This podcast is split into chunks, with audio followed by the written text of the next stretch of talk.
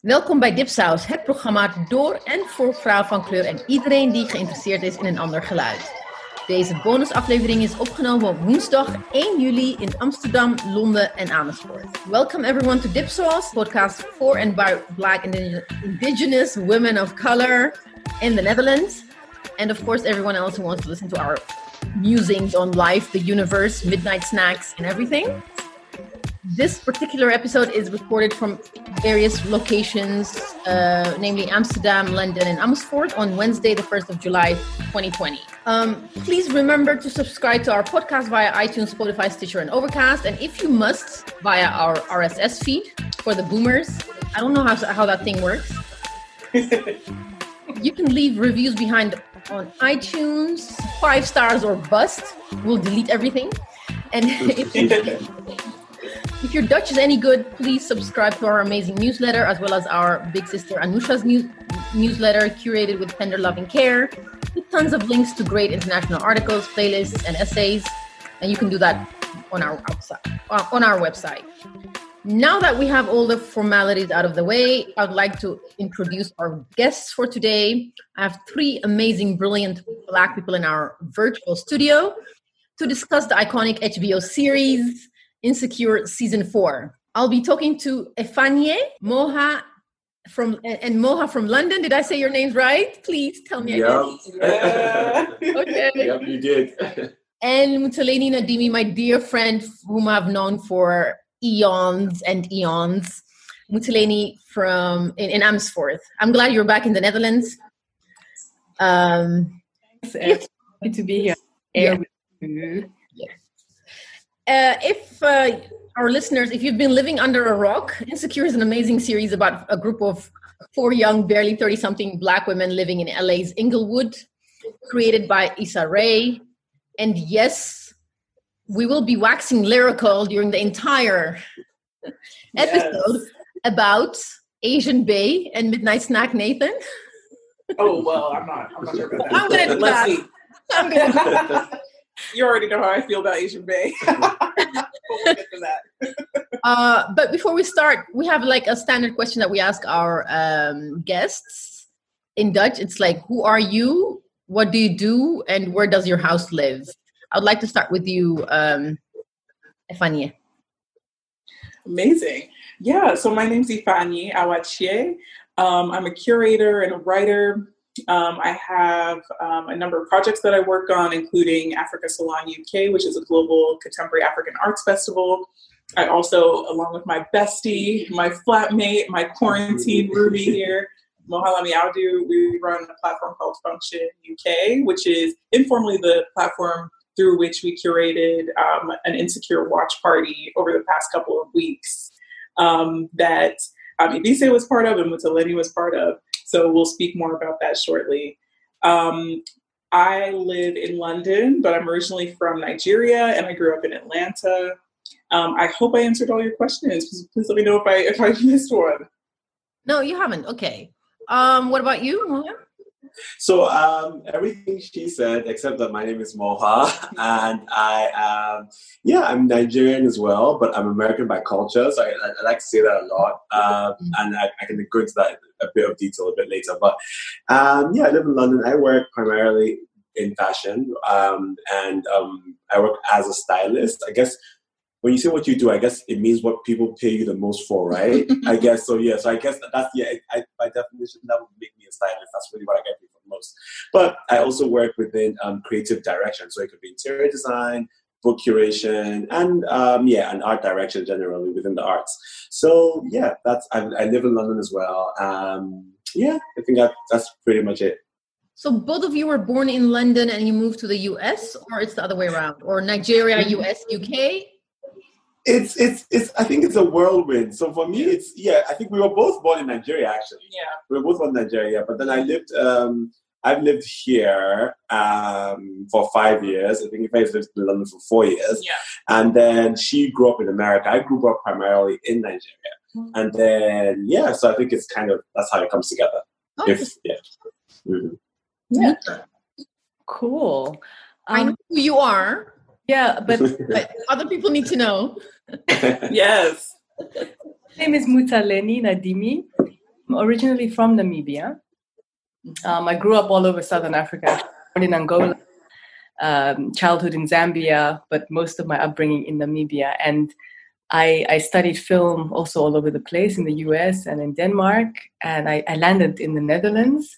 Um, uh, what what do I do now? What do I do now? So I've I've uh, I'm going to be starting um, uh, working at a university here in the Netherlands soon. Um, and I'm currently based in Amersfoort, but hoping to move uh, to one of the bigger, more exciting cities. Huh? nice, yes, city life. I'm looking forward to that too. You forget one very important thing: the the the review, the book review, the journal that you started. Oh yes, of course. I'm wow. Thank you. I'm also uh, founding of an online literary magazine called Doek.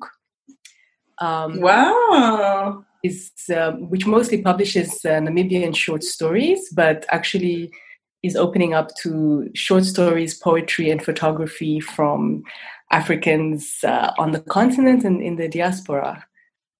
And also, oh, fabulous. Interesting, yeah. You co founded it with someone who's currently so you know. So sell, sell yourself. oh, um, uh, founder and editor of Doek is Remy Ngamije. He's a Rwandan-born Namibian writer who's been shortlisted for what, Ebise? For the Neighborhood Watch. I am in the jury of the Caine Prize. Caine. Oh, exciting. Oh, exciting. Yeah. That's big. Yeah. Fab. All right. Um let me see where I wanted to Ifa, do you want to explain maybe how to our listeners how we met? Yeah. Yeah, I would love to. Oh, interesting. Yeah. Yeah, that's a great place to start. So, um, Moha and I went to Afropunk Paris back in 2018 and um, we were just starting out our our platform function, and so we were going around at Afropunk, and I think we were wandering around with Bibi Bakare-Yusuf from Cassava Republic Press mm-hmm. as well. And at some point, we bumped into Ebise and um, your co-host, yeah. Mariam, and we started talking, all of us, and maybe we're talking about African literature. And then I think you Ebise asked me if I listened to the podcast Books and Rhymes, Rhymes yes. which happened to be run by our friend Sarah, Sarah yeah. who's based here in London, who had, I think just started up the podcast. Mm-hmm. And I was so struck that you know we had gone all the way, all the way to Paris, met people from Amsterdam the, that you, knew of, yeah. of, our friend's platform. So Absolutely. I started taking a video of yeah. you because I was like, oh, this is this is so nice. Like I want to share mm-hmm. this with Sarah that you know her her reach is this wide, you know. So so we recorded each other, and then I think we hung out kind of off and on, you know, at how festivals go for the rest of um, Afropunk. And stayed in touch since then. It's been yeah. I think you and Mo have been more in touch, actually. Yeah, I, I saw you. I saw you at, at, at Africa Writes last year. Actually, mm-hmm. it's like yesterday. It doesn't feel so long. Yeah, but and that was really fun. And then we had that dinner at the uh, Ethiopian restaurant. That was so fun. With Bibi as well. With Bibi, I remember talking my, my I remember speaking so much that. No, we were discussing a lot of uh, a lot of whose names we will not mention. Yeah, a lot of deep issues. There was a lot of like. I heard a lot about that. A lot of tea was served. A lot of tea was. There was. A lot of tea was served. Yeah. Was, yeah. yeah, good times. and then, I mean, as a result, we also kept in touch via through Instagram. And that's right. And that's how you asked me to be part of this, uh, the WhatsApp group. Can you tell? Can you tell us more about that group, Moha? How? It- oh yeah. So um, yeah, so uh, we thought of, of course, like we've been watching Insecure for a few years now, and we've had like other screenings at my apartment. Remember the other time, like two two years ago, my old place we had this like a little screening of it, and then people came over. Oh yeah, yeah, yeah, exactly. Yeah, so yeah. yeah. so we've had like like little gatherings around Insecure generally, and then we thought, well, it might be good to have like a you know to watch it, of course, during quarantine, but also like have a sense of um, togetherness and, and, community by like creating a, a, a, group where we can talk about it and discuss it. And yeah, it was really, I think it was really something I kind of look forward to for the seven or eight weeks, 10 weeks it was on actually. I think so, yeah. So for 10 weeks, I kind of look forward to that and just great to like, you know, talk to everybody and share different opinions and different views about the show. And yeah, I thought it was just, it was really cool. Yeah. Oh, it was awesome to, to watch it together. Together, yeah. Hear your experience of, you know, having watched the other seasons because honestly, like I'll be, I used to watch this on my own. Mm-hmm. Uh-huh. This was like me time, and my sisters. I have I have two wonderful sisters who you know we share interests. But my older sister was like, "There's so much sex in the show."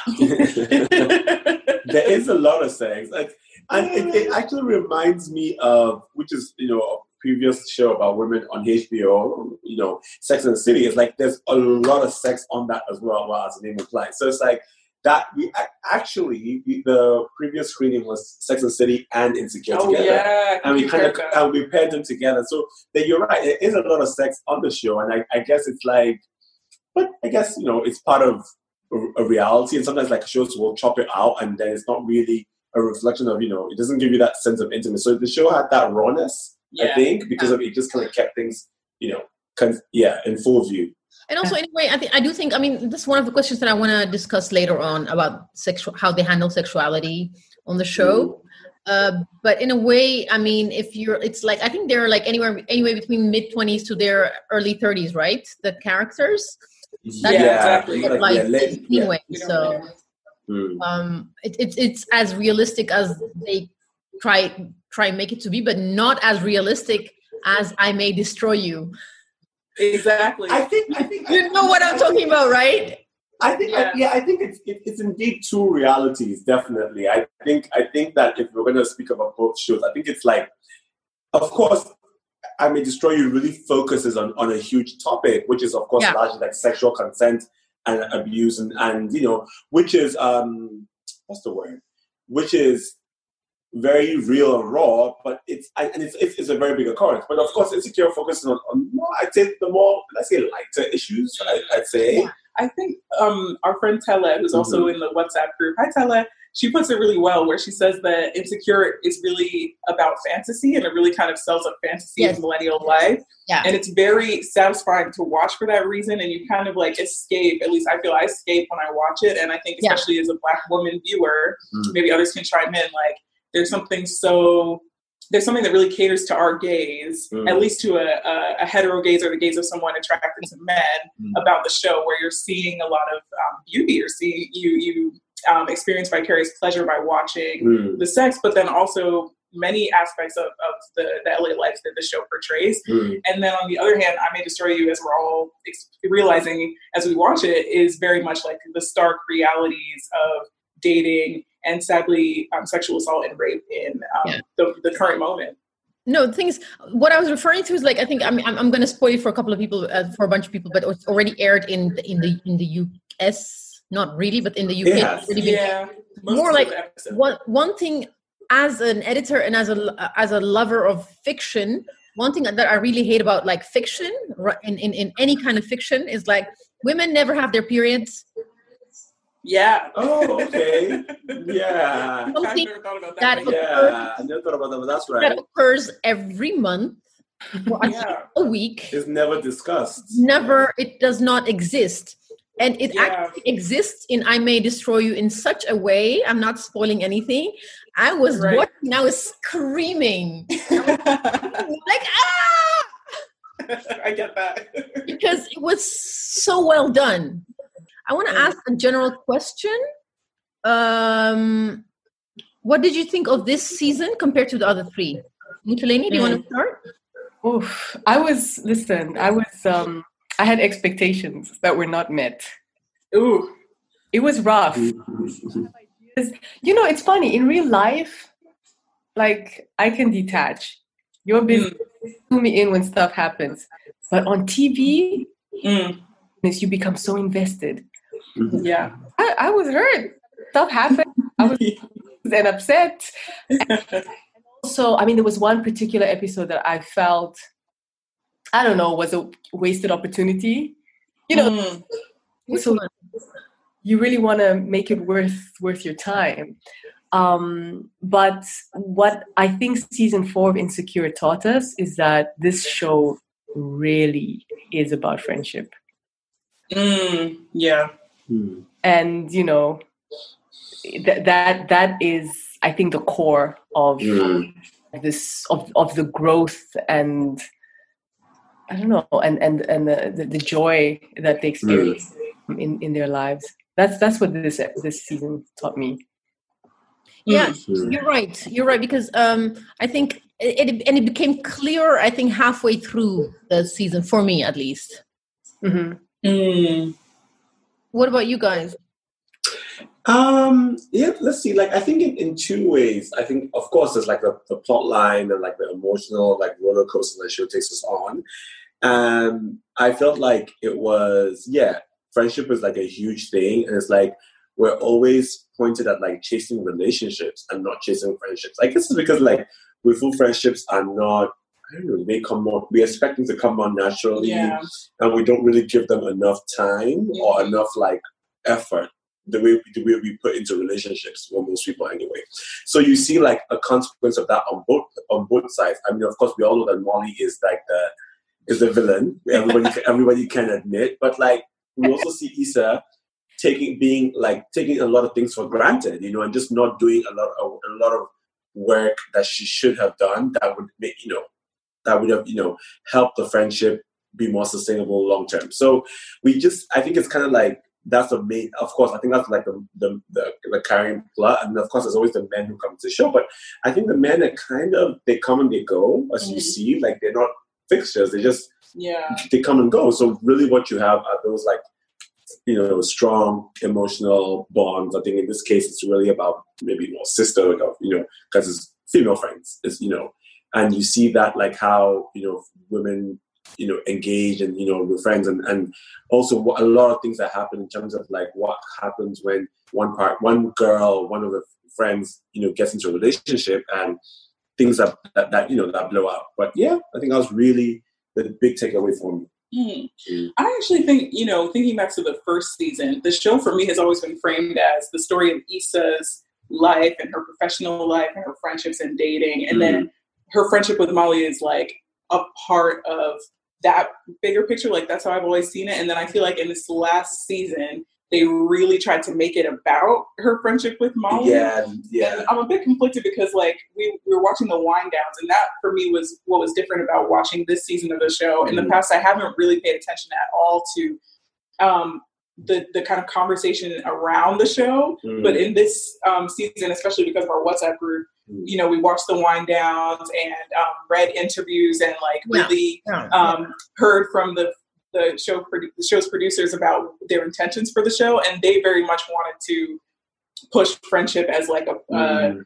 uh, a, a key theme of the show. Mhm. But for that reason, actually, I was disappointed that um, Issa and Molly got back together at the end of the season for a number of reasons. But for but for one reason, the main reason for me is that I wanted them to deal to show us how to deal with the end of a Of friendship, friendship, or when friendships go wrong or when you outgrow a friendship. I would like to see that normalized because that is something that people deal Yeah. with. We do deal with conflicts in friendships. And honestly, in the season, I think they, Molly and Issa don't deal with their conflict. They kind of start to inch toward each other, and then um, they have a blow up, and then they go their separate ways. And then once they don't have men in their lives to, to They're distract back- them, yeah that's when they go crawling back to each other. Yeah, so, so I was just- kind of disappointed by the Yeah. representation of friendship, and I wanted them to kind of go to those dark, uncomfortable places with friendship. Mm. Yeah, I think uh, I hold on to that thought because I want to discuss uh, friendships like uh, in in depth uh, later on. I just wanted to ask um, also. I mean, in general, when you compare the first three episodes to the fourth one, I mean, the, first three seasons to the fourth one, what what were the things that you thought were done differently, or or the pacing, the writing, the music? Yeah. Oh well. I mean, with regards to that, like, I think that the the the fourth season kind of slowed down a lot. I think even too much. So, but, but yeah, very little would happen in an episode, and I think it kind of dragged. And I felt like I liked the way the season ended, but I felt like we could have gotten there for three episodes earlier. Mm. You know what I mean? And yeah, yeah. and it's like, of course, I think the previous seasons were like seven episodes, eight episodes. Yeah. So it's like, did you just make this ten because you know you, you wanted to make it ten, but you could have just made it into seven. Yeah. Or, yeah. That's what it felt like. And I felt like there, there could have been more story in there. Like, for, I mean, one thing, for instance, as well, is like Kelly's story could have been more developed as a character. Right. You didn't see any growth in her really. You just see her being like, you know, the mommy, basically. We'll like a strong, supportive. We will discuss that again. I know we will. In depth. yes. yeah, but no, like, you see her doing that. And then you see as well, in the same way, of course, something that really happens is that you know, you see her brother who they have a closer he comes a bit more into the show this season but there isn't really any much more in, about his life. So we see him more but we don't know any more about him. He has a lot yeah, exactly. And again it's you know being like gay guys being the what's it called? Being like you know yeah just the fillers. It's like ah funny. Right. yeah the side it's the sidekick the typical exactly exactly. role that is yeah. Oh. Uh-oh. oh is the internet working instances where like it's working with just a little bit of a delay, but yeah. it's back now. Yeah, um, all of that, that that would have been two times, two stories that could have been a bit more developed, and you know, and given us a more fulfilling season. I think. Yeah. Yeah. yeah. I agree, and I think um, I I watched seasons one, two, th- one through three in anticipation of the fourth season, especially because we were going to host this group, and that's how I like to do things. So I was really thinking about this season in relation to the others, and as I've said to people many times, you know, I think the first season of Insecure, they were hungry. There was a punchline like every other minute on that on that in that season in every episode, and it felt like so much happened in every episode. You know, there was there was so much development from um, the start of each episode to the finish. Um, you saw so much going on in Issa's life on the relationship front, the work front, the friendship front, front the dating front. Um, and then in the second and third seasons, I think the third season more so than the second, I feel like they got a bigger budget. The show got a bigger budget, and they um, came into their popularity. And I think they got comfortable, and they start, and the show stopped feeling as raw and as hungry during those seasons. Um, and you kind of, I feel like my experience watching the third season, for example, is seeing the actors strut around in these fabulous outfits that the characters can't afford, um, using you know black slang and and um, stunning, basically, just kind of flexing the fact that they're on screen providing this representation of this fantasy. But and so going into the fourth season, I really had high expectations. I was like, they really need to get back to that rawness and that um, that hunger and that that really um, potent creativity that they had in the first season. And I feel like the first episode, I still remember that first episode. Oh. Oh, oh, my internet. And in the middle of the season, are we all good? Yeah. Cool. In the middle of the season, I feel like the the energy dissipated. It got really thin, and then toward the end, it started picking back up again. Mm. Um, so I think the pacing was off. I think what Moha said about how it probably was originally edited and shot shot and edited in seven to eight episodes is probably right, and then they probably stretched it out maybe because of quarantine, realizing that people were going to be at home. Like it was mm-hmm. more, you know, they, they probably needed to stretch it over a, a, longer period of time. Yeah, I think, yeah, but just to that effect, like for me, I, I was kind of like a late bloomer to Insecure because I remember watching the very first episode and it was just too, like, grungy, grungy for me. I was like, why do I? I really have a problem of watching things that are not visually pleasing. So I was very comfortable with the lushness of the season. Like, oh, everything's nice and pretty. But you still need to have story. You, you, you no, no, no, you, you do, you do. I agree, and that could have been added more. But I just, I just don't like this, the, the, the suffer of those first seasons. It's been such a long time to watch it. But it's, like, it's funny because I've been watching since Awkward Black Girl. I don't yeah. know if you'd be saying I, I, I, you have. so for me, the first season was such a step up from the no, no, no, no, no. I, I remember stumbling on on on awkward black girl. I was like, what is this trash? I was like, wow, wow, wow. I was like, God bless this girl's hustle. And I closed my laptop. I have a bad internet connection. Oh, I still can't watch. So it took me a little while. It took me a little while to get to the point because I just like nice. I like nice things. And I think like it's like I'm not gonna waste my time watching. Life is grungy enough. So I'm not gonna. I, I don't need to see it. I, I, I, yeah, I live it. So it's like I feel like yeah, that um, you know the the fantasy and the, the finesse was really just nice. I like the elevator wardrobes, and it's not really real. It's not, of course, the it was such a big thing here, especially for the UK audience, how they can afford those things. But I think that everywhere I've kind of lived, people dress in ways they can't afford. I think like, I think London is the only place where people actually dress to their budgets. Everybody kind of spends a lot. Everywhere else I've lived, people spend much more on clothes than they can afford. So that's normal. you haven't been to the Netherlands. Yeah, yeah, well, yeah, a little bit. Yeah, exactly, exactly. Can I tell you, in the Netherlands, even if you're a millionaire, you pretend like you don't have money. Yeah, I, I get. I think, I think, I think a little bit. Yes, I think in Amsterdam, yeah, but Europe, but like. I think when places like places like Paris or Lagos or yeah, New York and or I, you know I went to University in Dubai definitely. so it's like everybody kind of just like kind of does it up, and I think for me that's just the way. So I could see like these like buying things or returning, and like you see all that. It, it was very like un, ex, ex, like expected, you know. And um, what's her name? Um, Molly as well. Really like going through life, and I think using her clothes like communicate what she wants to get out of life. You know. Mm-hmm. I mean, don't get me wrong. I love the fashions, but it felt like that was the whole point. Yeah, yeah. Now I get yeah. It shouldn't be the whole point. Yeah, yeah. I mean, one thing one thing that I felt um, was consistent to me throughout the seasons was, in a way, was the portrayal of Los Angeles and Inglewood in particular. Mm, mm. Something I appreciated so much because the Los Angeles that we see in in the movies that we were, you know, yeah, grew up on. Yeah, yeah, friend, right? And right. was so much more accessible. I mean, uh, and I've been to that part of LA. Mm. I go, oh, you see, because you get disappointed when you come and you go, oh, this, this is it. This is Los Angeles. That's what it is, and I love those shots where you just see, especially Issa, just walking down the street, and you yes. see fronts and she talks about this and obviously her her new career comes out of how her her neighborhoods the neighborhoods that she grew up in and she loves so much are changing yeah mm-hmm. it's a reality in most major cities mm. it's true.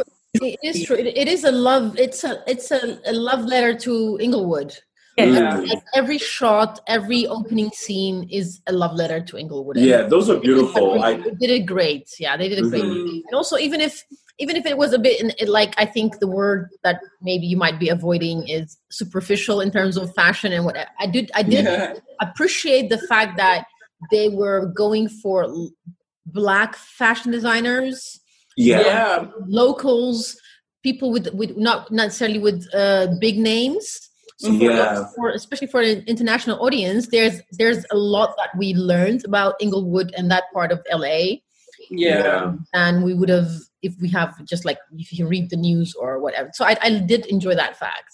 And also yeah. about you know being real i love that you know how many shots we saw Issa in her underwear? Right yes. Right yeah but i do have a problem with the difference with with season four and especially the first two seasons is that she wakes up with like eyelashes which was never the case I know, she has beautiful eyelashes herself huh? her yeah. eyelashes like they curl all the way in and and and now she, she wakes up with full makeup and i'm like i know it wasn't necessary to go there it became like mm. it became too too smooth basically yeah mm. Okay. I hear that. Yeah. All right. Um, I, we covered like question three and four because I wanted to discuss um, fashion as well. The fashion, the, the, the, I mean, I think one thing I wanted to say, like, I think they were using a lot of. Is it? I don't know. Do you have any more background info, Moha, about who these people are that they were referencing? Yeah, so I think I think it was really like um, they use a lot of like black designers. They use a lot of like designers from the content. So they wore Lisa Folawiyo, they wore Maki Tel- Maki O, they wore Telfar. No, yeah, that was about That was about had oh, Maki O. Yeah, yeah, there was. Had Maki O. She did. Yeah, yeah, yeah, yeah. yeah, Lagos. I went to her party in Lagos. Oh, that's great. Wow, Okay. I met her. yes. Oh wow. So they, they did have Mikey O. They had Lisa Folawiyo. They had um, Telfar. They had um, who else did they have? South African designer whose name I can't remember right now. But there was a South African designer, and they were like off white. Exactly, and and and even opening ceremony, which is Mm. which no longer exists. So I, I think it's like the, the the store has closed down permanently. So I think you have you have um the the that episode now as kind of like a temple to a store that doesn't you know exist anymore. But open ceremony, I think it's it's I think it it's definitely has carried a lot of like black designers as well. So you you definitely see that a very a pro black version of of you know of high fashion and you see her you Nice. see all of yeah of course they also have molly wearing like dior and Yeah. things Yeah. which is Yeah. which which you know people do uh, you know so it's it's i think yeah it's it's a good it's an interesting blend it's an interesting mix and it was really like it was really precise i think it was done i, I think the wardrobe was executed very powerfully and I Yeah, think it, yeah think so. yeah Thebe Magugu is the South African designer. I want to mention him because I'm a fan. The thing is, all these names are except Makio and Dior. I didn't recognize any of the names. Uh-huh. I did. I mean, it was kind of obvious that they were in in this show. They were specifically doing fashion was like an im- important, just like the soundtrack is really important to the narrative Mm. of the show. But I Mm. did think that there were like a few hits and misses. Mm. Which ones are you thinking of? Most mostly uh, Issa, the the the the asymmetrical things. Not all I- I don't get everybody's problem with that. In our group, a lot of people didn't like the, the asymmetrical blazers, but I, I thought they were cute. You didn't like them either. I think I think I think I think that Issa's character is definitely too awkward to pull it off. I think she just Okay, yeah, I, I think I think that in reality a, a girl with that personality would not put, put- put on something so tricky. yes. You know what I mean? So I feel like there's definitely that. Like when I see her in like like I think I can't remember what exactly it was, but the item she wore when she ran into Lawrence and Condola in the Yes. Uh, that was cute. That was like a like a, a jacket, I think. or Yeah, yeah, yeah, check jacket. That was more Yeah. her, I yeah. think. Yeah, and then so I feel like the more intricate or the more like complex fashion pieces should have been really just left to Molly. Molly. Yeah. Yes. Yeah, I think that was yeah. So I feel like uh, yeah, Okay. Anything to add, Mutaleni? Regarding fashion, Mm-hmm. I'll forever love her T-shirts. The collection of T-shirts. that was the worst thing.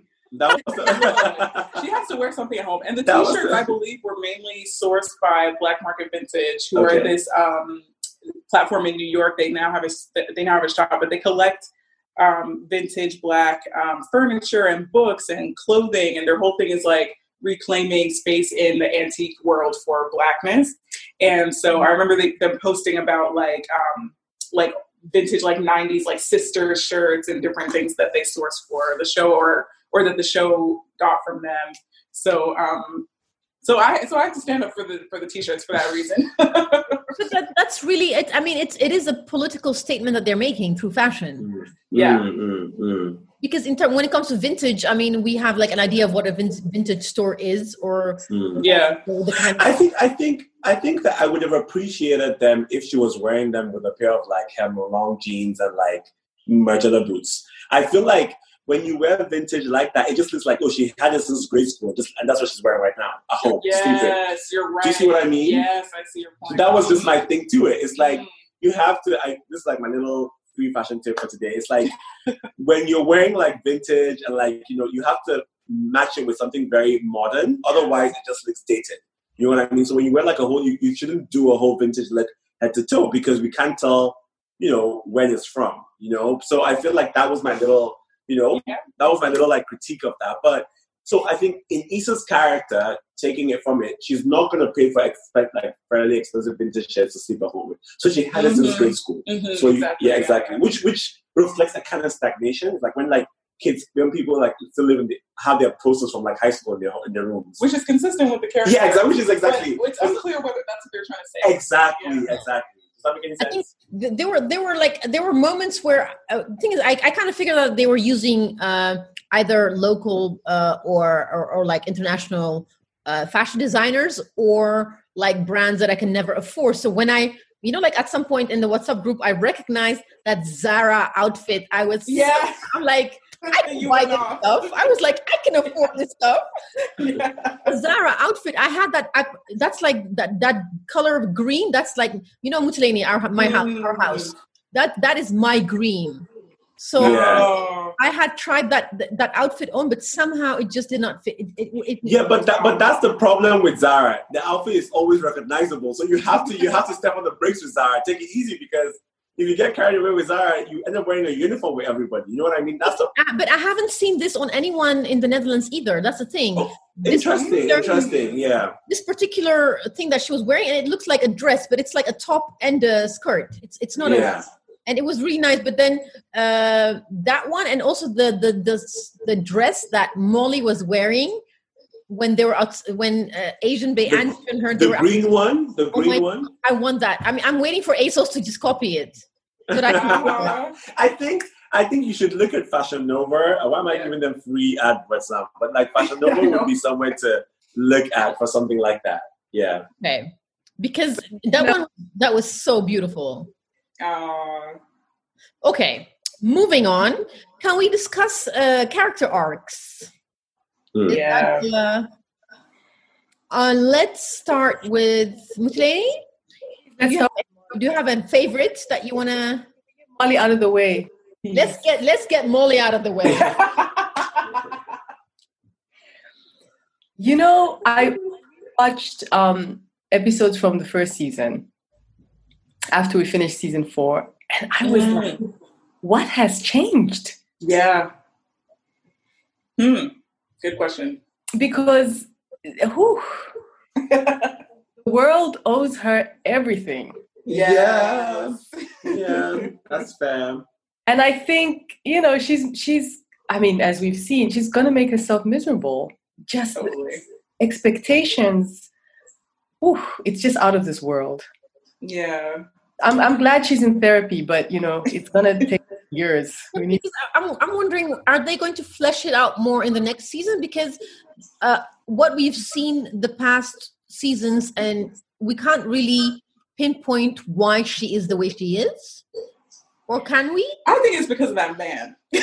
what man? like, like she has decided that her relationship with Andrew is the most important relationship in her life, or that she only has capacity to put effort into that relationship and not also prioritize her best friendship. I think she takes Issa for granted. I mean, you can see it toward the end of the season where um, I think she's talking to her therapist, and her therapist is saying, "Oh, do you like how do you feel about Issa, or are you going to make efforts with her?" And she says, "Oh, well, that's my best friend." But me- meanwhile, this comes after the point where um, they had their blow up at the block party, and she said horrible things to Issa. So I think um, what changes is that she finally got into a relationship that looked like it might lead to her winning a relationship. I'm not saying it might lead to marriage or uh, long term happiness, but she wanted to win at a relationship. And she said she decided everything else could go to hell. I, I, I think that like Molly is uh, is a classic overachiever gone wrong. Mm. And what I mean by this is that like I mean I know this myself. There's like a lot of things that I want, and I want things to be a particular way. So I really look at that uh, her and I catch myself like, oh, there, there were certain times in my life when I was definitely in Molly where I'm like, this is not going how it should go. This is not how uh, it should. I don't know at what point I realized that you things life doesn't go the way you exactly think it is, and you just have to go with things, you know, and just accept things for what they are, what they can be. So I feel like she's she just never had to come with that. Like her job has to be this way, and then she has to so it's like she's always on attack mode. She's always on attack or defense. She's never just like in between. You know what I mean? And it's like yeah, it's one thing to have like an agenda because I'm always scheming. Don't get me wrong.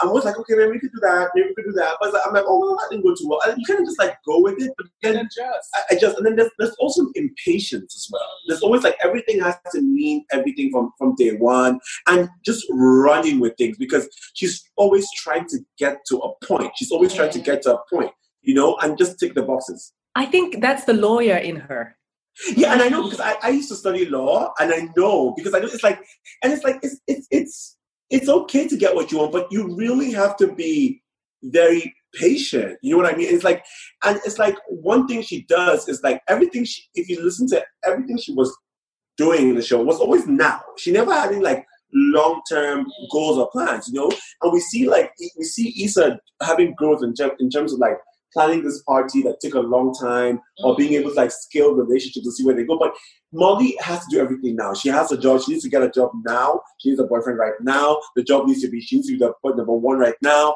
Everything has to now. And it, it's like you're functional in a way that you get ahead in life. So people like this will never lack you know financially but then they also yeah. they lack emotionally because yeah. you can't really you can't pull people to where you want to be all the time you right. know and i think we really talked about this a lot when when, when um, one big thing about like relationships and friendships and things like it's like sometimes your friends will annoy you and I, and I and I and I always say this to a lot of my girlfriends like it's like what you can learn from guys like sometimes if me and a guy are friends and we kind of like do some we, we have a fight it's great to talk about things but sometimes we you just let it be. And then like a few weeks, you you you know you know what? I don't even care anymore. Everyone doesn't care anymore. We kind of know it's go. But girls need to talk about everything.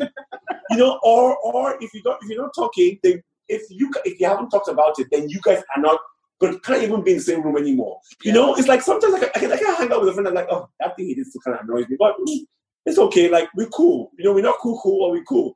But girls need to everything needs to be talked about, or there needs to be this awkwardness I think you are right. You're right because when when Lisa, you asked where does it come from, and I think when we see Molly in her in her family setting with her parents and her brothers, right? Yeah. I think there's deep daddy issues that need to be dealt with, ah. mm-hmm. and that she carries that. Mm-hmm. How and I and I don't think we we've seen it all fleshed out. I mean, obviously we know her father's infidelity. Yeah. Sticking point um, and then uh, I think that, it, you know, the time was never given to her. Mm. I also have, I have, she doesn't have sisters. She only has brothers, right? Yeah. And I think she's the one who, in, in terms of upward mobility, she's the one. Oh yeah, she's clearly yeah, she's she's so clearly I, more successful. Yeah, she's the successful one, so she's used to being the successful one, taking care of everyone, having uh, having it all and having everything. How do you say it? Uh, having her cake and eating it too. Yeah, that too, but also like having uh, everything taken care of in terms of like she's she's doing good, and I yeah. she and as a result she's used to people being dependent on her. Yes. And when she realized that Molly, um, Issa kind of outgrew that dynamics, that's right. when this evil Molly surfaced because yeah. yeah, but it's but it's it's that competitiveness in her that it's not understanding that things will move and things will yeah. things will change things will change you know and it's like this has changed now so what does it mean so therefore it, it means that i'm less now if he's just coming higher but, it's that it's mm. that competitiveness it's that like just yeah. impatience yeah and yeah and I, that is something really difficult to experience in a friendship, in a deep friendship where you thought that you were like really close friends. Yeah. When you realize that somebody you're close with is competing with you, I think yes. that's really deeply uh, difficult to deal with. You yeah, can't talk about it. You can't. But you know? listen, where or when is Issa competing with Molly? That's a great point. I don't see any conflict of interest there. I mean, growth on their part doesn't diminish the other, and I and I think that, ah, man, they also they don't talk about the things they need to talk about. Right. No, but thing is, but they, they, when when Issa was becoming successful with her uh, with the thing that she was organizing, mm. his reaction wasn't what you would expect her best friend to react to. She was like, "No, it yeah. really wasn't. It really wasn't. That, I felt like she could. Kind of yeah, I felt like she could have helped out a lot more. She could have been like just even been there uh, presently. But the way she was just like, "Oh yeah, this is like my girl's little." What did she call it? Like she said it might be a little ratchet or something. Yeah, something basically. yeah, basically yeah. something. You know, it was kind of like, "Oh yeah, my little my my little friend." It's like yeah, I do have friends like that to be honest. Like I think, oh, they're gonna do the little thing in the park. I'm just gonna go support them. But like, not my really close friend, not my best friend. I think I think that's really just so. It's two things. If she felt like she couldn't have been, she and Issa were not were not leveled up. She should have pulled away from that friendship a long time ago. Mm. But to remain on that friendship and then and then have it on balance, it shows her selfishness and just the way she just like to be ahead. Does that make any sense? Like, and then now she's catching up, and it's a problem. Yeah, but I like Mutaleni's point where she says that you know how does Issa succeeding in the music and community event world threaten Molly's corporate? No, but, but yeah, but, but jealous people just don't think in that way. Jealous people just not. yeah, but yeah. So I think because I see it more as because I've been in a similar friendship where I realized at some point when that that I was competing. No, I didn't know I was competing, but apparently I was a Mm. competition where uh, a person feels is invested in f- feeling needed yeah, Mm-hmm. that's it. And when that falls away like they're the the the the fundament of the friendship kind of shifts for them which is weird Yeah. that that she she felt like Issa didn't need her anymore or she was and, and as a result she so she couldn't control her Yeah. Oh yeah, I see. I see what you mean. Yeah. Yeah. Yeah. I think it triggered an insecurity. I think the question Molly um, needed to be asked was like, without this, without Issa's dependency on you, are you any good? Like, are you any good outside of your your amazing career and your relationship with Andrew and and the things you do for your family and for Issa? Like, is the person that you are at your core under all of that is she good enough to deserve an empowered Issa's friendship? You know? as opposed to having a friend she always needed to save Yeah. Mm. No, absolutely. I agree. I agree. um The perfect, the, Yeah. sorry, the perfectionist tendencies are, are what are biting Molly in the ass because she wants Mm, the perfect relationship, the perfect job, you know, and that yeah. Yeah, it's just it's just that that obsession of how I thought life would be and Yeah. how she just runs with everything. It's like, well, I should, and that you see that as well. You see that most reflected in her dating patterns, you know. So it's like she was like she's like a woman in her mid. I think she's like in like mid thirties, like Mm. yeah. She's like, Okay. and then Andrew was like her her first, her first long-term- long relationship, and I was like, you. Averagely, people start dating at 16. I was like, this is your first, so you have Yeah. your life. You've been running around like a crazy person.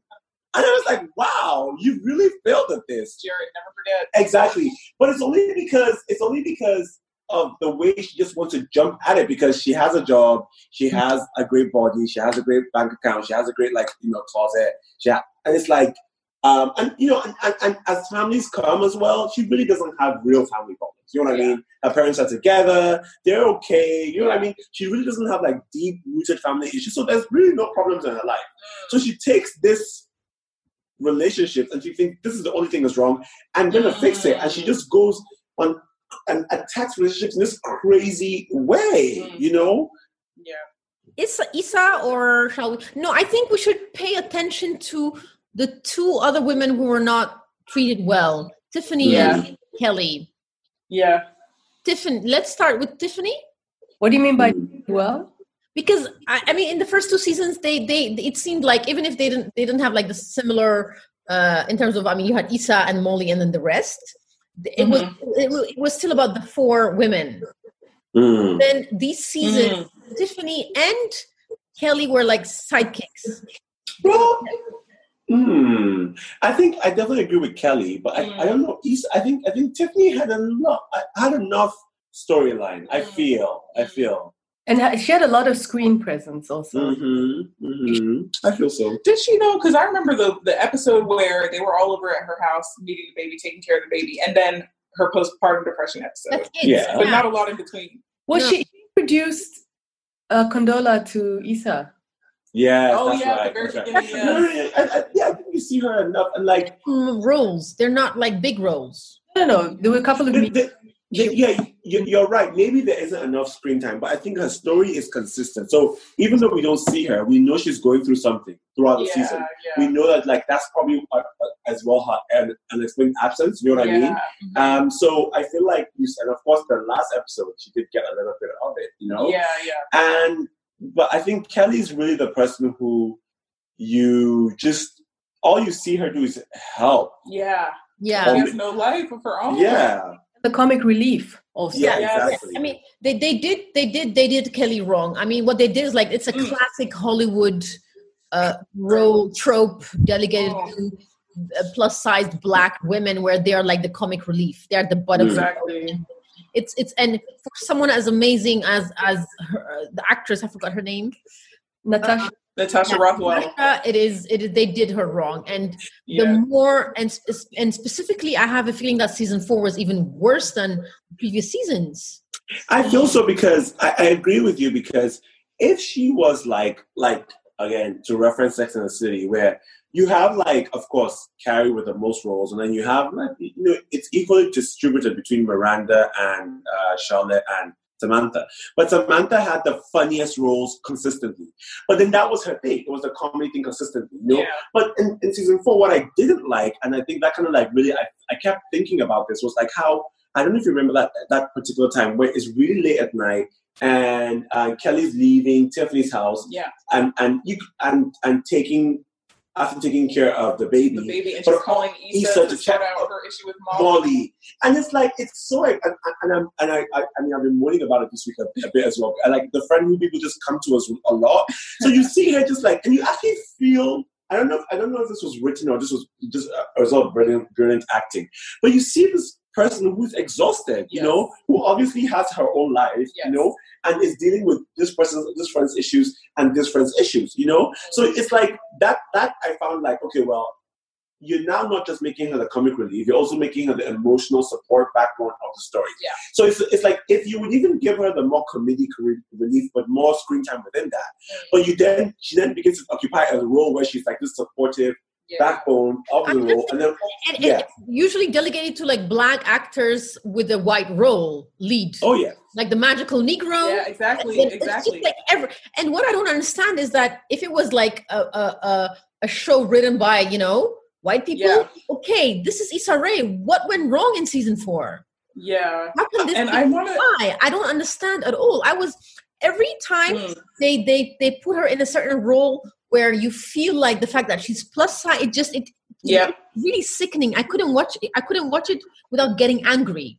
Yeah. Mm. No, if you watch it with a critical anti-fat phobic lens, it's Yeah. a problem. Like all the jokes hit wrong. And I want to acknowledge that Natasha Rothwell wrote on I think she's part of she's part of the writing team and she directed that beautiful the best episode in the season. And so, you know, people might hear this conversation and be like, "Oh, well, it can't be an issue because she is writing those those those jokes and writing the character in that way, writing those lines."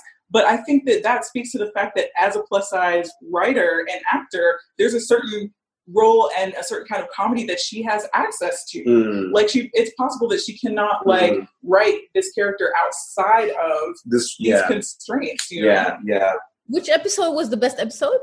The one where um, Issa and Lawrence go on. Wait, what am I thinking of? Which one is our favorite? Yeah, the one where Issa and Lawrence go on their date. Yes, thank you, Mutaleni. I don't know why I blanked. But yeah, the first date they go on where they kind of get back together. Uh, I, I I don't think that's the best episode. You know, I really think the best. Yeah. Which was the best episode? yeah, I think it was the, the I think the best episode was the one right after the, the what's it called the big fight. what happened in that episode? Well, nothing, but that's the whole Ah. point. You know what I mean? Is it the one where she meets up with the girls from DC? Yeah, exactly. That episode exactly. is so random. I think so, but I feel like it was really. I think for me, what that episode kind of yeah no what what that episode spoke to me about was like. I, I, I don't know. I've like those days when like things have happened or things are going on, and then you kind of realize that you need to sort yourself out. You know what I mean? Like it's up to you to create to move to the next step, and you don't have to do it right away. But you can sit in your feelings that day, mm-hmm. and you see her really just avoiding dealing with herself mm-hmm. and jumping from place to place and going from one disaster to another. Like she should have stayed at home. Mm-hmm. This is this is exactly it. I couldn't relate. I was like, Issa, after, after the big show, Molly, yeah, those covers. You don't respond yeah, phone calls, emails, questions, nothing. I know. Fix your mind. Before the fallout, I think my favorite episode is indeed the one with uh, when where they had that, that impromptu date with Issa, Yeah.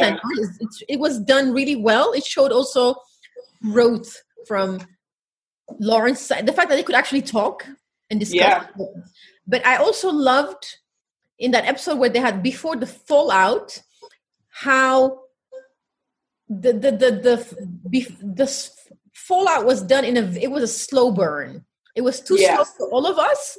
We were all annoyed by it, but when you think about it, when friendships Mm. deteriorate, they deteriorate all Mm. the time. Mm, Actually, like Yeah. long-standing, deep friendship, it's not like that. yeah, You know, somebody's casually, you cut them off and you move on. But with- with, best friends, it takes it's a slow, and you're you're not even aware that your friendship is deter- disintegrating. yeah, yeah, yeah. and the fact that they knew it was disintegrating they they, they didn't they couldn't find the right ways and words to uh Articulate it, address it. Yeah, address it. But then during that block party at some point that dance that shuffle thingy that they were doing yeah, the moment the, the non-verbal the way they looked at each other they were it, it was so beautiful yeah, how they connected in that moment. They were dancing together it was very it was very awkward. They were looking at each other. They were very insecure about people who've known these two girls who've known each other for a long time were very insecure about each other and they still Yeah. went for it. Yeah, that dance and i was like i was really hopeful. Yeah, yeah. And then they broke our hearts. oh my god. It was dramatic. Happy Yeah, celebratory episode, and it just ended in a bang. Uh, crazy. um what about what i did like i think something that maybe i, I'm really want to discuss with i think is, is it just i'm not sure is it just Mutaleni and i who have children in the app group yes, yeah, it is. okay that was kind of clear it became clear because tiffany I, you know, like when we were discussing Tiffany, I, I was the one who, who at some point said I think she might have a postpartum. I could recognize the Yes. signs. It's not because Mm. I, ha- I, I, did, I didn't have post- postpartum uh, after both my pregnancies, but I did. I have friends who've had it, so Mm. there was a. It was a very. It was done really very in in a subtle way where you could tell Mm, that that was coming. mm, Did you? interesting. Yeah. Did you feel that, Mutaleni? Do you? No, I mean, I yeah, like you, I I couldn't directly relate, um, but I, I it very much that they talked about it because um, the the what what- what is Tiffany's husband's name? The two- Derek. yeah, Derek and Tiffany are in a, a different stage, right? Yeah. Mm. They they have found each other. They're committed. They're starting a family. So you know, sort of the chase is over. Mm, You know, shit has hit the fans. Real life. yeah. Yeah. I was I was appreciative of the fact that it's not just ooh you know baby showers and weddings, but it's like Mm. What about do we, do we want to talk about Condola? Yes. Um, An underrated queen. yeah, I feel like. Yeah, go ahead. I, so, so let's just start. So let's let's. What, what, Yeah, I mean, I just feel like Condola was a, a, um, a, breath of fresh air on the show and completely underrated because she's the only person on the show who is who has it together. And so I loved seeing her on screen. I loved having her um, on the show. Um, I related to her because you know she's also somebody who is like bringing communities together and putting on events and and working in in arts and culture. And I thought she was super cute, and I just thought she was great. Um, and so I was, you know, first I think I've never been Team Lawrence and Issa, but of course, when you see Condola and Lawrence, I felt a pang, and I felt like somebody was moving in on Issa's man. Um, but you quickly see that that's where that's where Lawrence was. Um, he and Condola had a, had a good connection, and on top of that, she was being a great friend and collaborator to Issa. So um, I thought the character was really interesting and um, positive in that way. Then, I will, if I fast forward to um, the end of the season, I know she upset a lot of people or caused a lot of drama, announcing that she was pregnant, and um, there's all these conspiracy theories and different like Facebook um, inse- insecure fan groups that we're part of about how she's trying to trap Lawrence and everything like that. But I just see a woman exercising her right to decide when she's ready to become a mother. Um, and it was a good, great reminder for me that I that I'm not Team Lawrence and Issa because when I saw that you know things are clearly going the way of Lawrence um, spending time with his future um, son and kind of like putting himself in a position to have a relationship with his future son over potentially continuing his relationship with Issa, I thought, well, I didn't like them together anyway. So I'm Team Condola. I, I'm a fan. You know, I would love to hear what other people think. Nuta? You know, I, I think I'm just a, a rom com lover, and I, I, I, as much as you know, I knew always knew Lawrence is not the one. As right. Much, I was just waiting for them to get back together. I don't know. I had expectations. Uh-huh. Um, and I was super happy, super super happy when mm-hmm. the, you know that ap- that, that episode that uh, Natasha Rothwell directed came out. Yeah, episode, and it reminded me, funny enough, of the episode where Nathan and Issa went. Yeah. It, it is parallel. Yeah, yeah, yeah, very beautiful. Yeah. So of course, you know, I thought, okay, all systems go. They're getting back together. I was in my happy. Yeah. Yeah, honestly, I don't know why, but if I look, yeah. if I look back to Lawrence, and I just feel a lack of commitment mm. towards Issa. I never, mm-hmm. I don't remember ever hearing him say what he feels for her. Right. And in episode in, in season four, I was waiting for the episode where he would get down on his knee. Yeah. Fully embrace her, where he would like cut ties with everybody. But you know, she has right. constantly. Where yeah. are what's happening? You know, yeah. I'm going to San Francisco. Mm. Yeah. Do you think? No, I, yeah, I feel, yeah. This Is going. And so that's where I kind of said, no, Lawrence, he's bringing too little, too late to the place. Yes. I went down with Condola. I was like, no, it's finished. So yes. Team Issa and Lawrence, you know, my heart is broken, but it is what it is. It is what it is. Yeah. I mean, I feel like as much as like Lawrence is, you know, he's just typical. I think he's a very average guy in terms of like his level of communication, his like, you know, just, yeah, just really what the average guy behaves and acts like, you know. But he says definitely pretty much average girl as well, let's be honest. Okay, so it's yeah. like, yeah. she's not this high powered, no. you know, really assertive, you know, she's just there. So I feel like, you know, they deserve each other. I on, on that breath. You know what I mean? I feel like him and um, Condola are tragedy. They should not even mix genes because it's like Condola is just not. It's just a, it's just a, it's just a human being 2.0. She's a lot more put together. She's a lot more, you know, articulate. She's she knows what she wants out of life, and Lawrence doesn't match that, you no. know. So you see her like when they're dating, and she's like, "Oh, I'm just dating. I don't want to get married." I think what I really hear her saying is that even if I was going to get married again, it's certainly not you. this is really, and I know this because everybody who's ever said I don't want to get married, when they find someone who they want to get married, they will marry that person. So when people say I don't want to get married, it means it's not you. I, am happy to date you, but you're not the one I want to settle down with.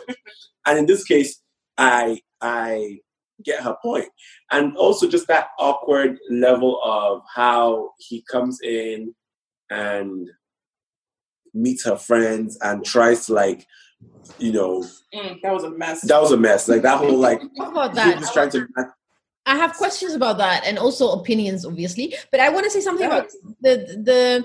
You're right about Condola uh, in that sense. I mean, she she was definitely uh, from another planet in terms of Lawrence, but I think um, I to go back to Lawrence and, and, and Issa, I didn't want them to get back together. I thought I, I was hoping that okay. that date with them with the two of them would be like get get him out of her system kind of thing. I didn't I wasn't hoping for them to get back together. I'm like she maybe she just needed to be with him to realize that to realize that she doesn't want to be with him again. Ah, that's what I was yeah that was what i was hoping for specifically after that mm-hmm. first night they hook up and then she leaves she, yeah problem. They she doesn't say thank you. You know, close. Yeah. I'm good. You know, she walks. Yeah. You know, the, the, the romantics amongst us are like, oh, could is there hope? And then right. And you, I mean, the next episode, you see them banging on the couch, and you're like, oh, yeah, yeah, yeah. Have that, you know, and and and I think I don't know. I think when you're when you're emotionally mature, when you're ready, yeah, are not afraid to speak your feelings, your truth. Yeah. Yeah. Mm. I mean, to her credit, she does then tell Lawrence, um, not her feelings per se, but she says, you know, she's the one who kind of drives the conversation forward about uh, as to where where they are, what they're doing. She says, you know, I'm still hanging out with Nathan. Is that cool? She starts to speak up for herself. Actually, I don't even have to go that far. Mm-hmm. In the in the date episode, our favorite episode, she um, says, you know, what if I want to stay? So she makes it clear what her desires yeah. are in the moment, which yeah. which showed growth. But um, I also I really like this idea that um, it could have been um, that she just got closure and she just realized that Lawrence wasn't what she wanted and um, she could have walked away after that. That would have been a much more, I think, progressive path, but they really left it ambiguous and I think they purposely wanted to kind of pull at our heartstrings and and hope. Like side side note, uh, um, Zeleny, like it's not women really think, oh, he picked me. No, you were right there at the right time. That whole evening, that perfect episode evening, would have never have happened if Condola texted three hours earlier.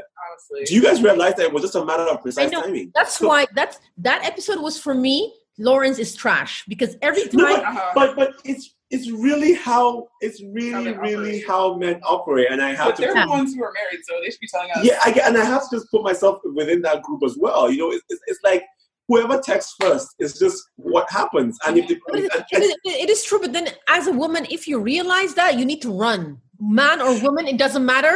If but you know, if you know, like you're not option number one, no matter what. If that person is always looking out for a way out, run. But, but the truth is that you don't realize that because it's like if my number one option shows up or texts earlier, that's it. I'm just going to show up there, and for all purposes, I'm like, I'm sorry, this is really how it goes. And for all purposes, and in, in, in, like in um and services, I just I'm just going to be like have a good time with the person, and the person doesn't know I had other plans. The person doesn't know that there was something else I wanted, but I didn't get that night. You're that's right. It. But Issa does find out at some point that Condola is calling him. At that point, yeah.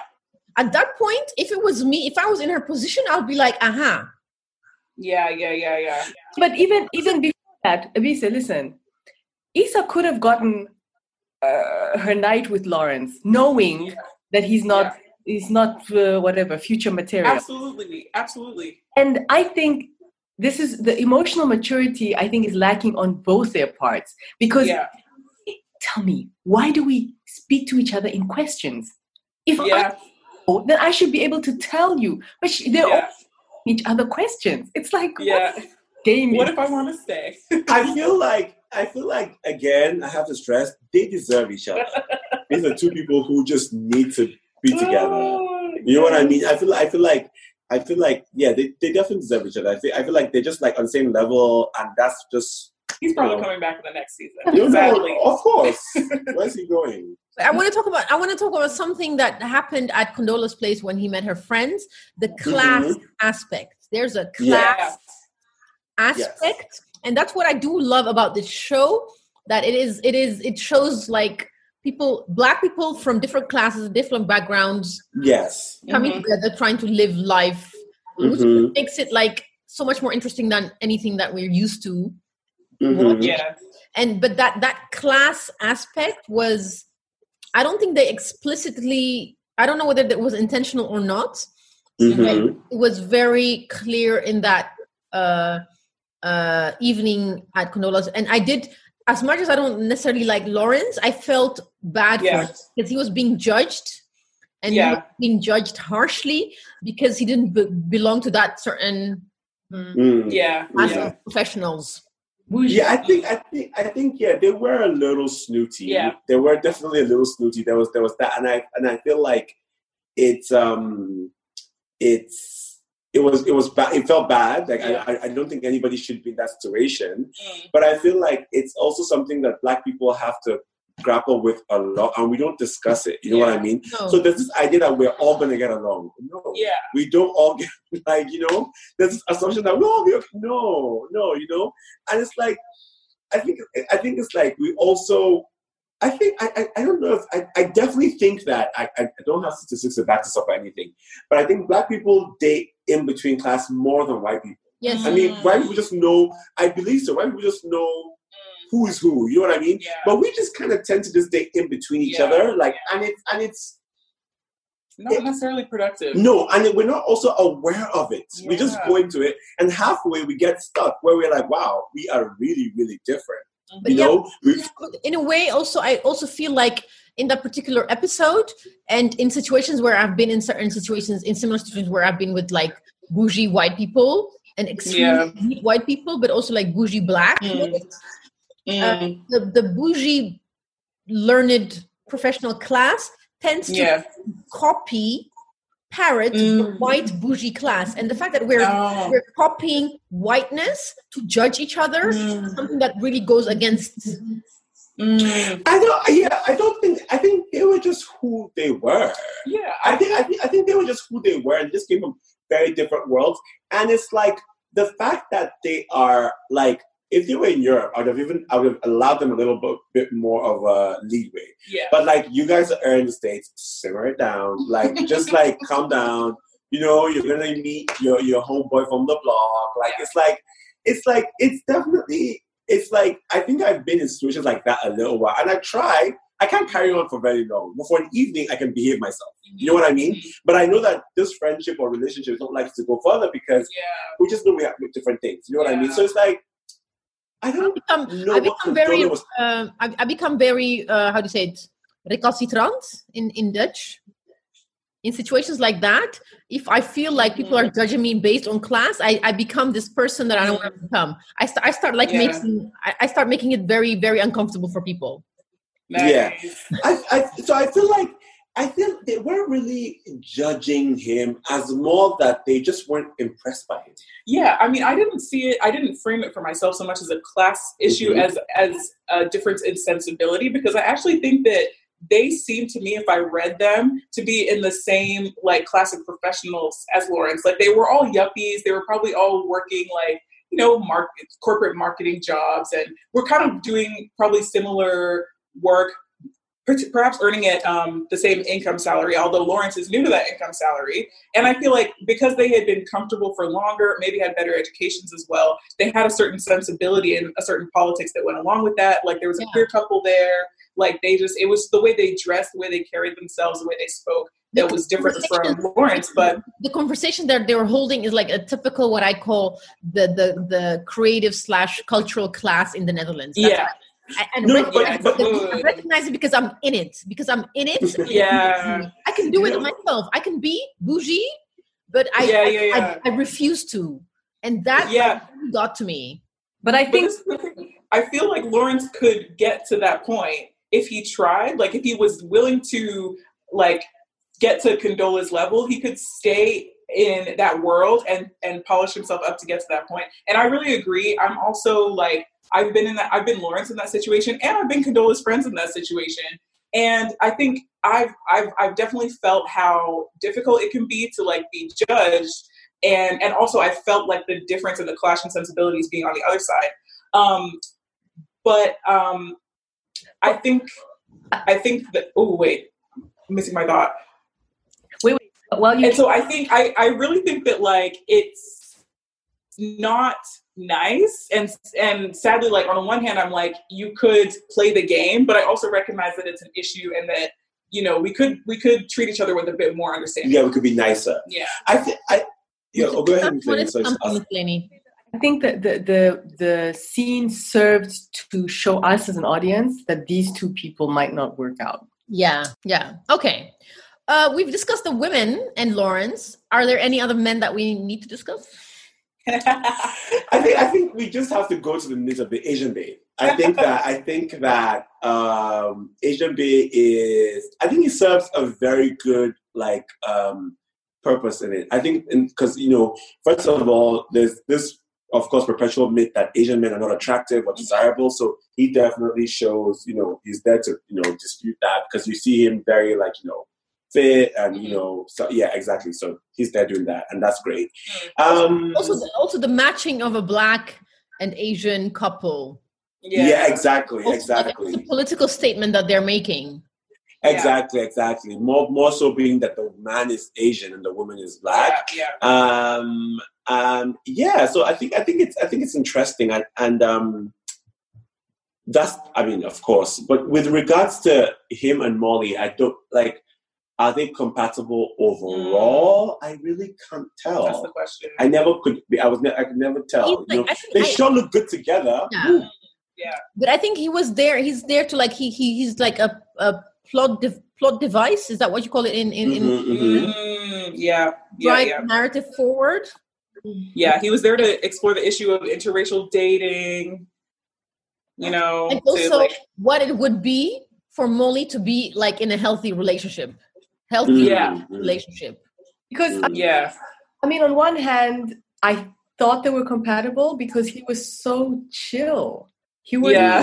you know, he he was.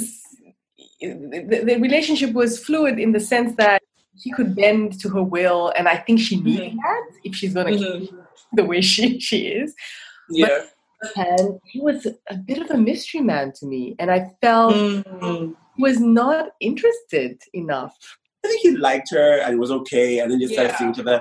And because of the way she was, just Molly's like, ada- in terms of her adaptiveness, she quickly just made him Mhm. the, the the center of her world. yeah, So it, it it left him due to his like chillness and Mhm. politeness. There was no way to just let this fizzle out because she just quickly built her world around. yeah, yeah, yeah, yeah. yeah. this has been what I've maintained from the beginning. I think that for Andrew, who's clearly the one who's more experienced. Well, actually, they said that he also hadn't had a, a long-term relationship, but this actually speaks to my point as well. He's clearly the one who is um, more experienced dating. You could just tell that from the way that he kind of negotiates their relationship. He gives a little, and he expects to get something in return, but he can be very flexible and um, and he can compromise and he can be relaxed, like everybody's saying. So I really think that for him, he just was into this girl. He went for it. And for him, they were dating casually. They were getting to know each other, you know, hanging out. And like Moha saying, like Molly decided that was her boyfriend and that was her man. And I think he went along with it. I think he probably got to the point where he needed to pull back before he admitted it. But I really felt like for him, like you just get this sense that, like, for example, when he closed up, um, when she was trying to kind of probe deeper and ask him about his His life. his sister, I think, and his family life. For him, he was like, I'm not at that, that place with you yet. You're not somebody I'm dating that seriously yet. And I think that was the case, um, maybe even up until the end. Mm. Yeah, yeah. Yeah. I think she put she she had an idea of what it is for her was not it might not have been like it could, could have been just like uh it might not have been as serious a relation for him as it was for her. Mm. No, he was just happy to hang out. He was just happy Mm. to hang out. And she Which same time, it's a contradiction because okay, sure, she Mhm. took the relationship very seriously, Yeah, but capable of tackling the serious issues. Yeah, yeah, yeah. Oh yeah, yeah, but but but that is that is a fault of her personality anyway. So Yeah. the, you know what I mean. So it's it's kind of separate because it's like that's a result of her flawed character. Mm. You know what I mean? Not so much a result, a result of the uh, the way she took the relationship. Does that make? I don't know if that makes sense. Yes, I just I just feel so bad for her because and she so badly wants to be successful in a relationship. yeah, Remember how she was teasing Issa when Issa was having problems with Lawrence at the yeah. beginning, you know? And she was like, oh, you're not going to break up with him. Come on, you know how, how hard yeah, it is single. You know, so she she saw that as as as Mm. winning. She was like, Issa, you're in a long-term relationship. Make it work. Mm. Mm. yeah. I think you're right. I, I think That's something that's missing in her life. But the thing with with with Molly, we've seen her date how many guys? I know. Just going through these No, no. amazing men, I will never forgive her. no, I get that. Of course, don't get it wrong. Like again, I have to say this again. The fact that she's a she her need for this is valid. Although even even though the the fault is is due to her personality. I don't, I don't, I don't know if you know what I mean. I, I don't know if you if you get what I'm trying to say. Like Not she, they like she's flawed, Yeah. and and and, and her, her character flaw, um, faults Yeah. are what affect this relationship. Yeah. However, it's also it's separate from the fact that she needs she feels the need to be in a relationship. It's like I don't know, Okay. Okay. you know what I mean? I think I get it. Yeah. It's something that a lot of people feel. Mhm. You know what I mean? And even though she's pretty much messed up a lot of times herself, Mm. but it's also valid to feel that. Yes. And th- this thing, her, her feelings are different from her faults. yeah. Like the desire to be in a relationship is like valid. Exactly. But then she messes up. Exactly. Because of her Because of personality. her- the same she messes up her work relationships. Yeah. Like, there's nothing that annoyed me more. I mean, her relationships annoyed me, but the way she came into that office and just I know. botched that, that was Oh so my unnecessary. just her whole attitude even at work. It's, Mm. so, so it's like Mm. Yeah, it's just her. yeah. I want to talk Mm. about two other things before we start rounding up. Yeah.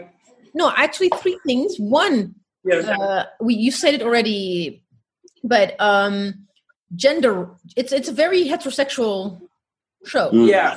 Yeah. Mm. Yeah. which is really disappointing as well.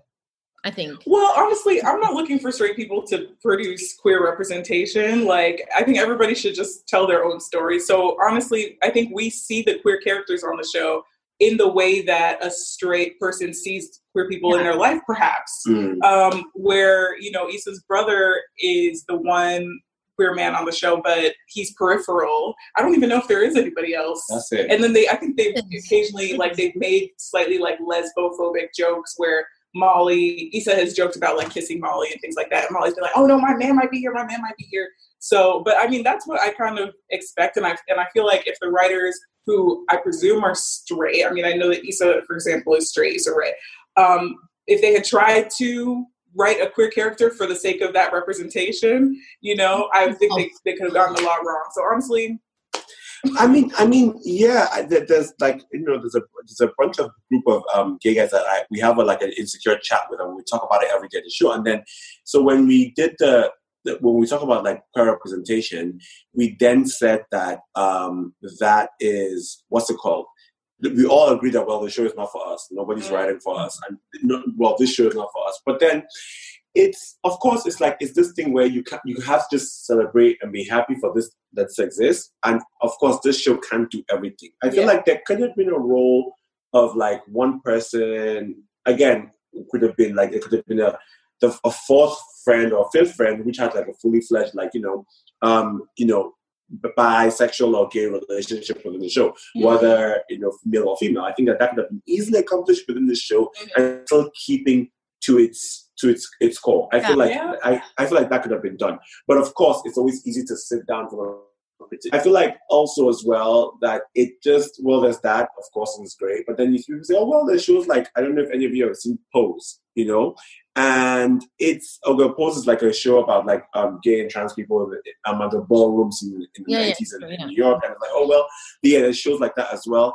But it's really not it's really a very particular kind of gay life that is already mm. explored in like things like RuPaul's Drag Race and stuff. So there's this slight fascination with gay people, and in the sense that we and we always have to be a performance. It's not the fact that we just live normal lives like everybody. It's not saying that those guys are not normal, but you know what I mean, like running like coffees and work, Yeah. work managing workspaces and things like that, which I may destroy you. I think is getting at is getting at more, but it's it's like you you it's really hard to see shows that just do that. You know what I mean? So I mean, it is what it is. You can't expect some. You're you know, right. There's I a lot of yeah you're, you're i think also i think there's this expectation that because of we live in this era of like activism online everywhere and also like black showrunners and writers Mm. tap Yeah. into black twitter to Yeah. exploit and it's there's this extractive relationship with black twitter and black Yeah. twitter and black queer twitter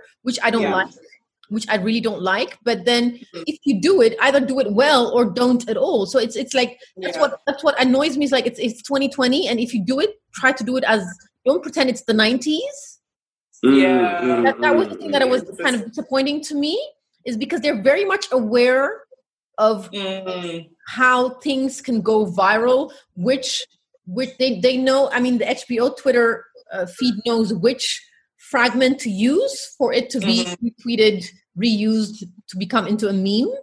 Mm, know all of this you're ta- you can you're Yeah. into queer black twitter and you're not it's not i don't think it's fair. I think it's very unfair what they're doing mm, because Mhm, it's something that you you consciously decide not to do. It's not you can't say mm. it's you can't say it's um ignorance anymore No, Right, it's not. right. You're right. You're right. I don't You're think right, you're right. can say 10 years ago 20 years ago you can say it's ignorance now Yeah. i'll say nah But I also think that Insecure hmm. is suffering from the burden of representation. Like, it, this show can't do everything. That- that- it can't represent the whole Black experience. Yeah. You know what I mean? Yeah. So they have chosen what they want to portray. And Issa said numerous times that she's trying to tell a very specific story and and the experience of herself and her friends, the, the people she knows in LA.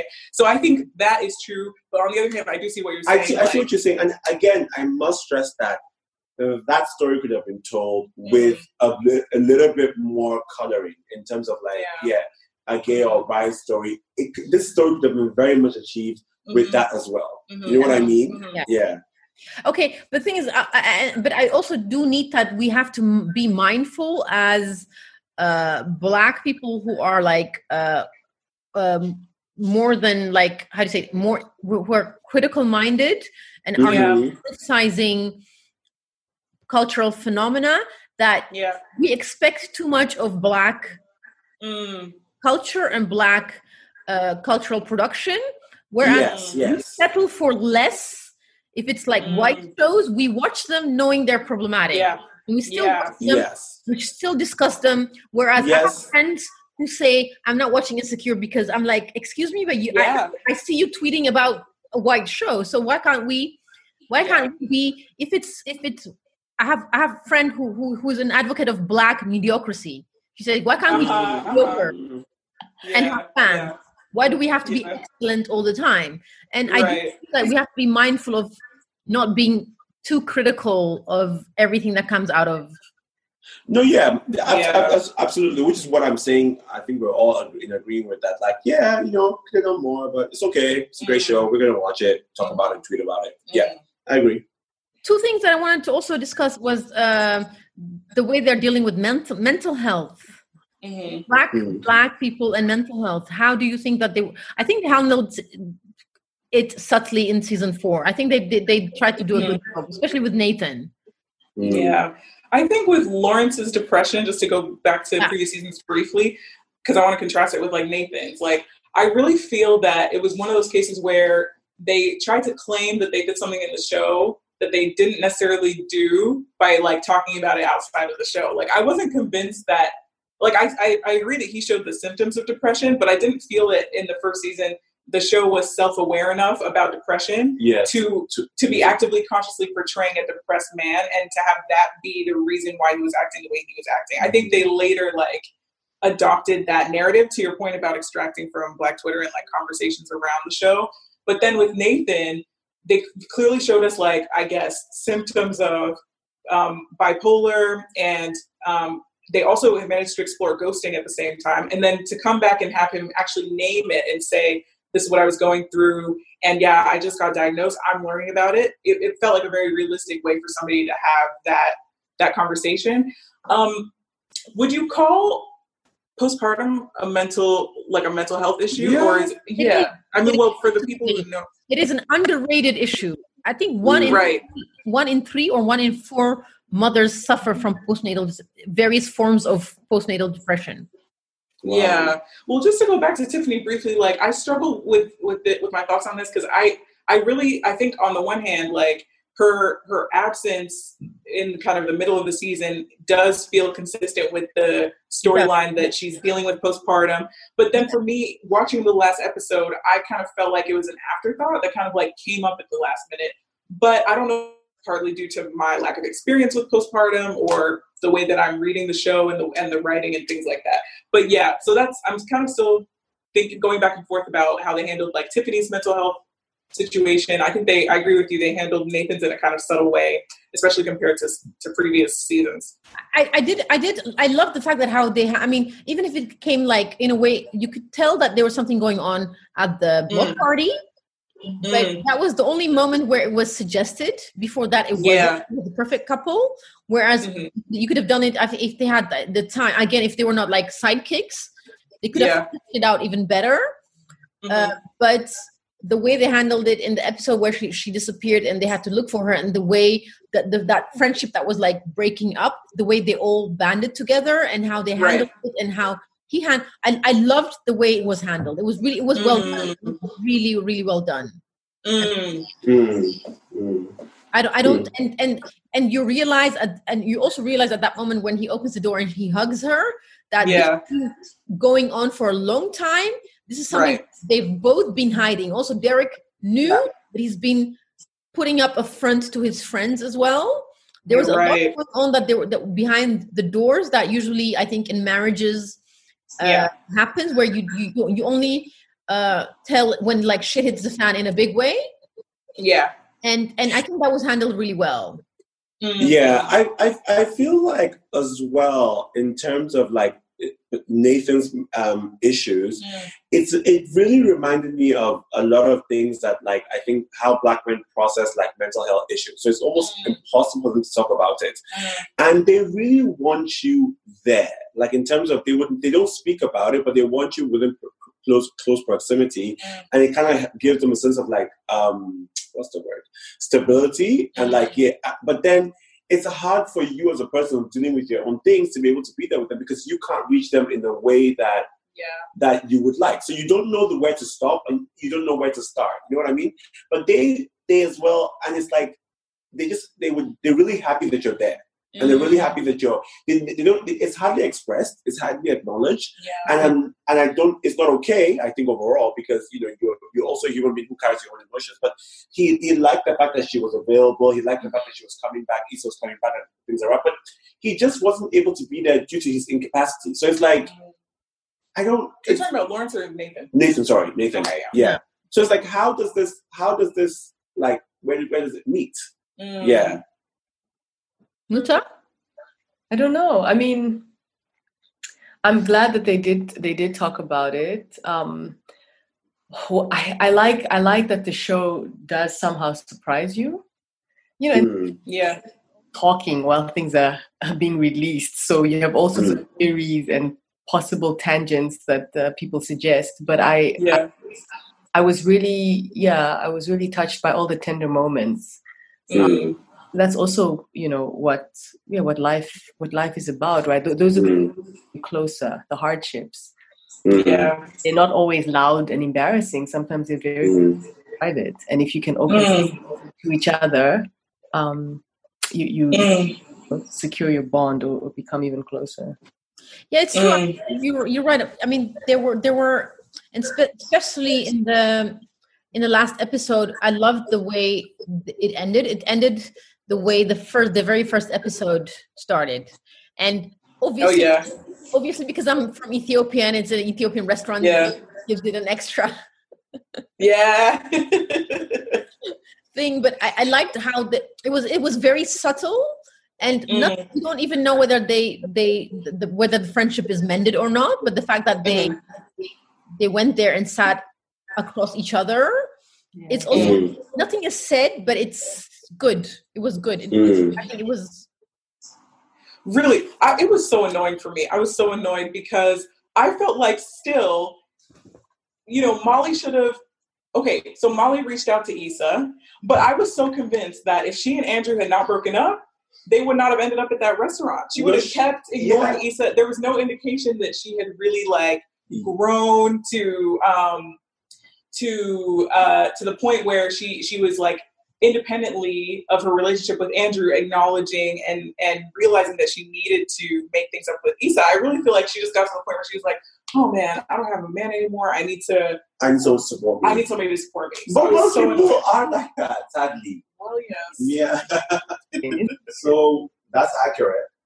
very disappointing. I mean, like, um, Mm, how do you value? I mean, there's that saying, right? A friend in need is a friend indeed. indeed. Mhm. At time, it's it's it's it's disappointing that they can't Yeah. they can't uh, enjoy each other, Mhm. you know, without the drama. Like, is that Yeah. Mm, it didn't need to be. It didn't need to happen. You're right. It could have been a lot better. But Yeah. Molly is Molly's a lot of work. Molly is yeah. I think it's old comfort, and and they also Mm, they have roles to play in each other's lives. Yeah. mm, So they they get stuck in those roles. They've gotten Yeah. stuck, and now they have to allow each other to to break out of those molds and accept yeah. versions, the new, hopefully improved versions of each other. Yeah. Mm, And and let's hope that this conversation really has some depth to it, and that they dig deep and find out. But, but if we're very frank, um, Mm. in terms of I don't I'm, I'm don't know what, how old you guys are. I'm I'm 43, and how I Yeah. was in friendship was in friendship when I was a teenager versus Yeah. my twenties versus my thirties and now early forties. It's different. I am Mm. as much as I'm like I'm. Everybody says I'm a strong, as a strong woman with like opinions, opinionated. Uh-huh. In friendships, I am not confrontational. Uh-huh. I get that. I get that. I'm not confrontational. I let things slide. Even if I'm Mhm. like offended or hurt, I will not say anything. I will never say, Mutaleni, I was upset then. I wanted to, I would, ne- I Uh-huh. would not do that. I'm not the kind of person. So Uh-huh. I'm used to, for me, the way Mo- Molly and Issa's friendship kind of deteriorated is Mhm. very natural to me. I think that's what happens in life, or is it something that is it, Yes. Yeah, I, I, I feel like I feel like sometimes as well. Like I, I generally say what I'm thinking, but Yeah, you yeah. But sometimes I'll, I, I also just like you know what?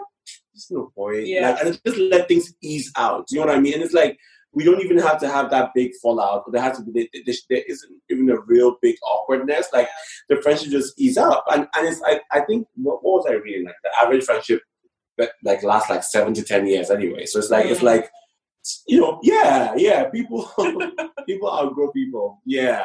And it's like it's just what we like, you know, and it's and this is like a you know, a Mm. changing of that. So I feel like mm, Issa and Molly are definitely reaching a point where they should still be friends, but they shouldn't be as close as they ever were.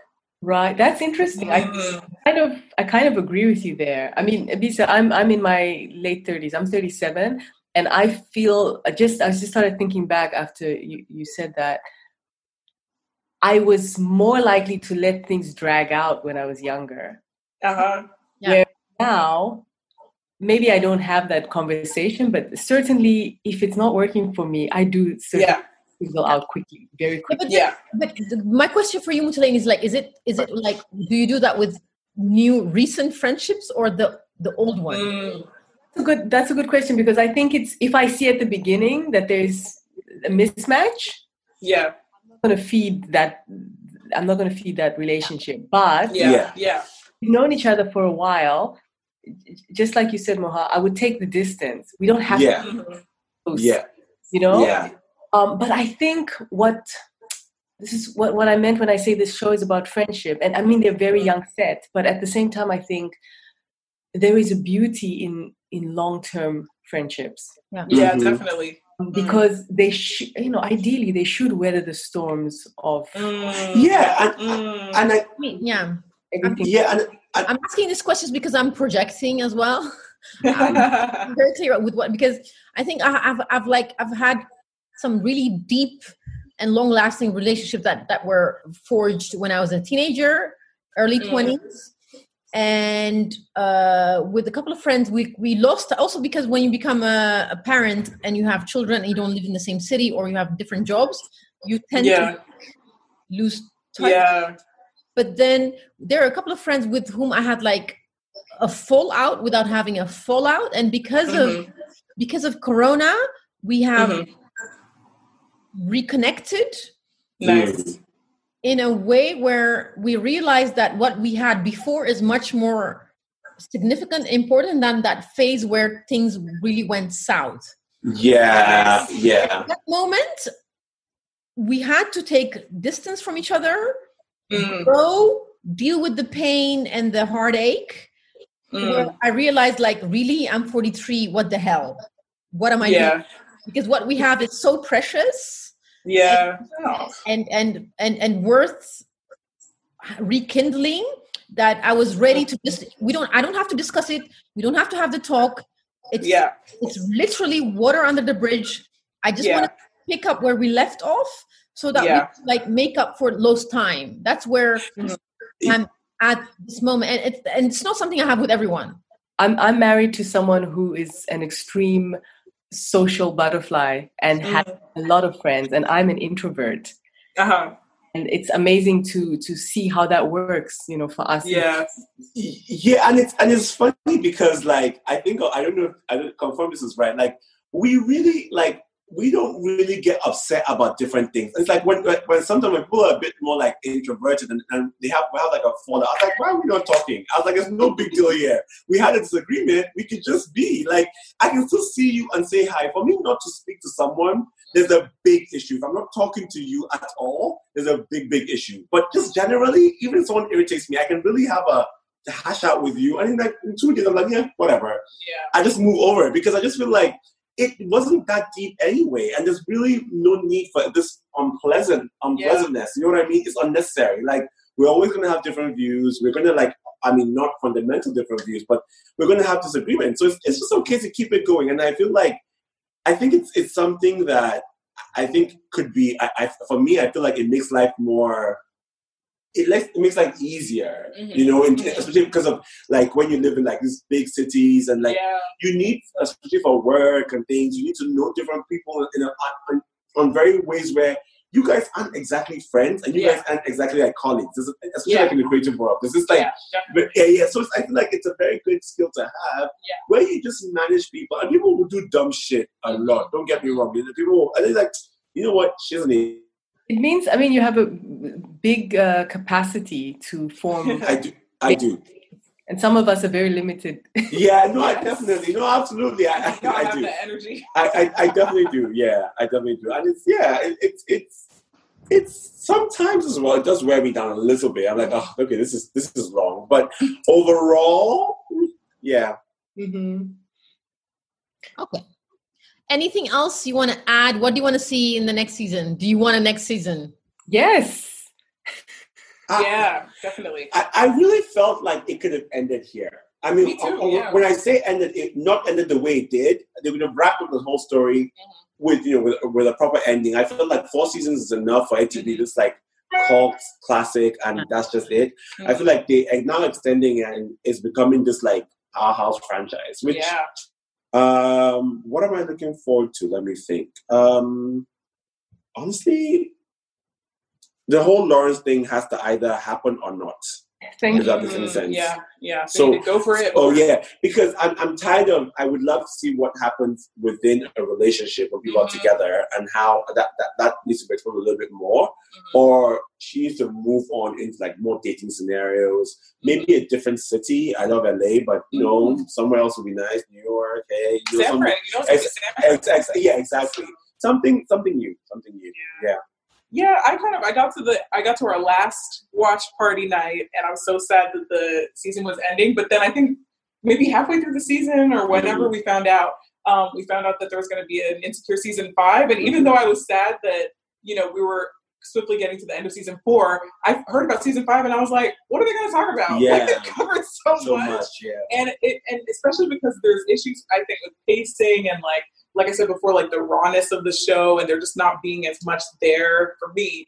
Like it really makes me wonder are they going to improve on that in season five or is it going to be the same like kind of slow you know show and is it going to have the same issues we've spoken about in terms of in terms of the different characters as well but if we can look forward to for example a fuller kelly storyline which i sense they will probably have to really address yeah. because Twitter has not been having it at all this season. No. Like they probably will address that in, in, season five. Hopefully, that would be great. I would also like some new hot people, some new men, some yeah. new romantic interests. Because I'm tired of everybody. I'm I like I said a million times. I'm not Team Lawrence. I've never been Team Lawrence.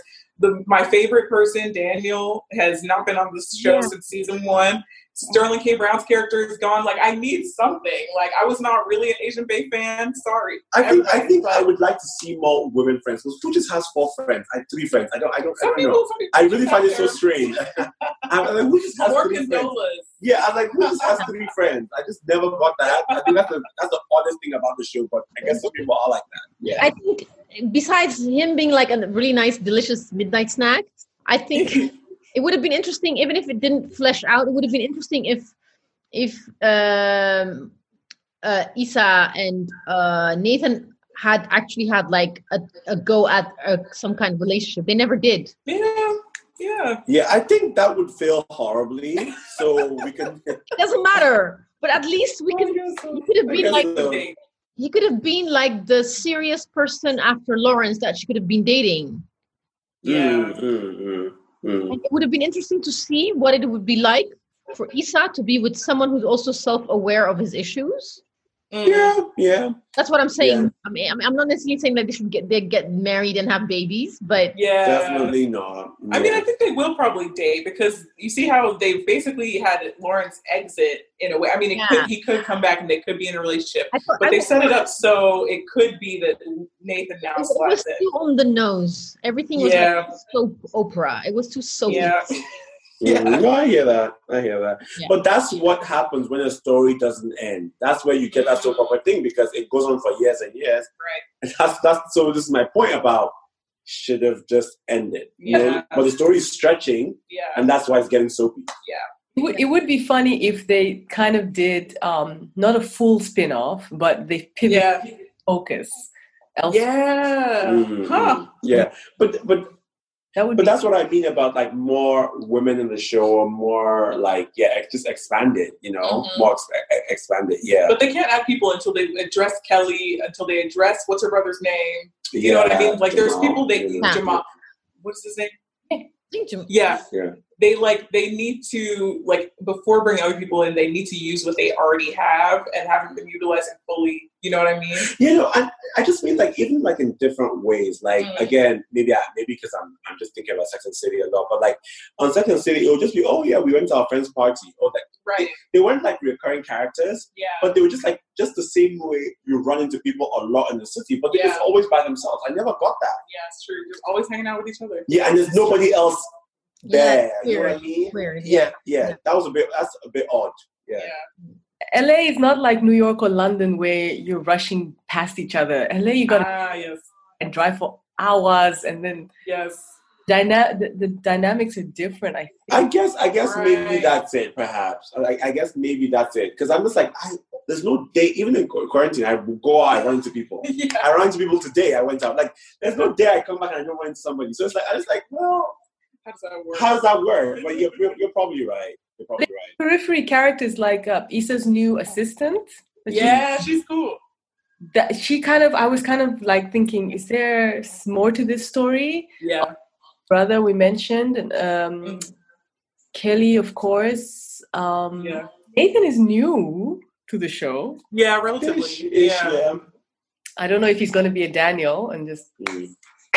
I know. Well, he already just disappeared once, so they Yeah, it brought was- him back. They want to keep him. It would also have been interesting to to see what they would have what the relationship was between Asian bae uh, with Andrew and Nathan. It was just a Oh plot, yeah, their friendship. it was a Yeah, plot device. It was a it was a hand plot device.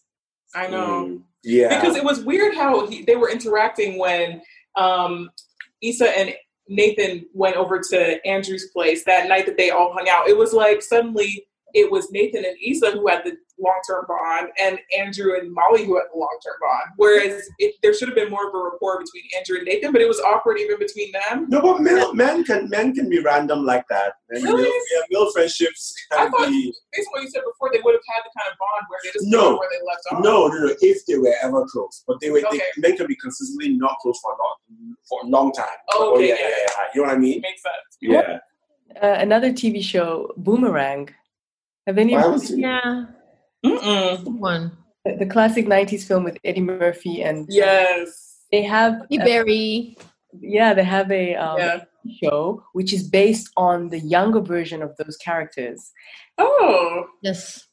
yeah, and uh, it, Lena Waithe and um, and and uh, Halle Berry produce. Okay. Beautiful because there's a huge focus on male friendships, sort of young. Okay. Oh. Okay, that's interesting. How do we watch it? I think it's it's on BET, right? Good question. There there are interesting streaming sites where you can find it. I'm sure. Okay, that's all. yeah. That's all you need to say. Got it. Got it. I would I would really be I would really be interested to hear your your uh, um, how how you experience. I think also I think it's a very underrated movie. It's not a sh- series. Um, Hav Plenty. Have you watched that one? No. No. Talk about like black hipster blipster relational anxiety. It's it's H A V Okay. Lenny, please watch it. If you watch that one and you Mhm. watch Insecure. It's it's it's Uh-huh. really it's really interesting. I love Okay, it. We'll, we'll look out for it. Very Yeah, very definitely. very underrated. It was never really a big. It was it became a cult hit among Okay. like certain class of like creative black class. It was it was and, and there, was no, there was no Twitter. There was no social media.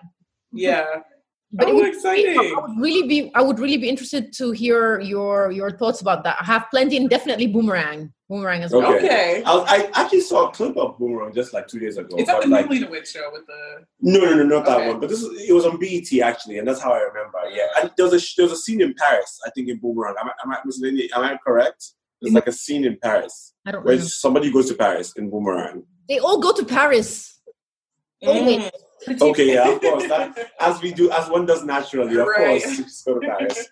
Yeah, yeah. That's that's that's Okay. me. I We need definitely agree. to Yes. um well thank you so much for, Thank you. for doing this. We've been we've been doing this for two and almost two and a half hours. I wonder what Mariam's gonna Wow. make. I don't know what she's gonna, I don't know what she's gonna chop off. That's Okay. fine. Yeah. Thank you so much, Ifa Mohamuta, for indulging my obsession. This has been my obsession for the past uh, years.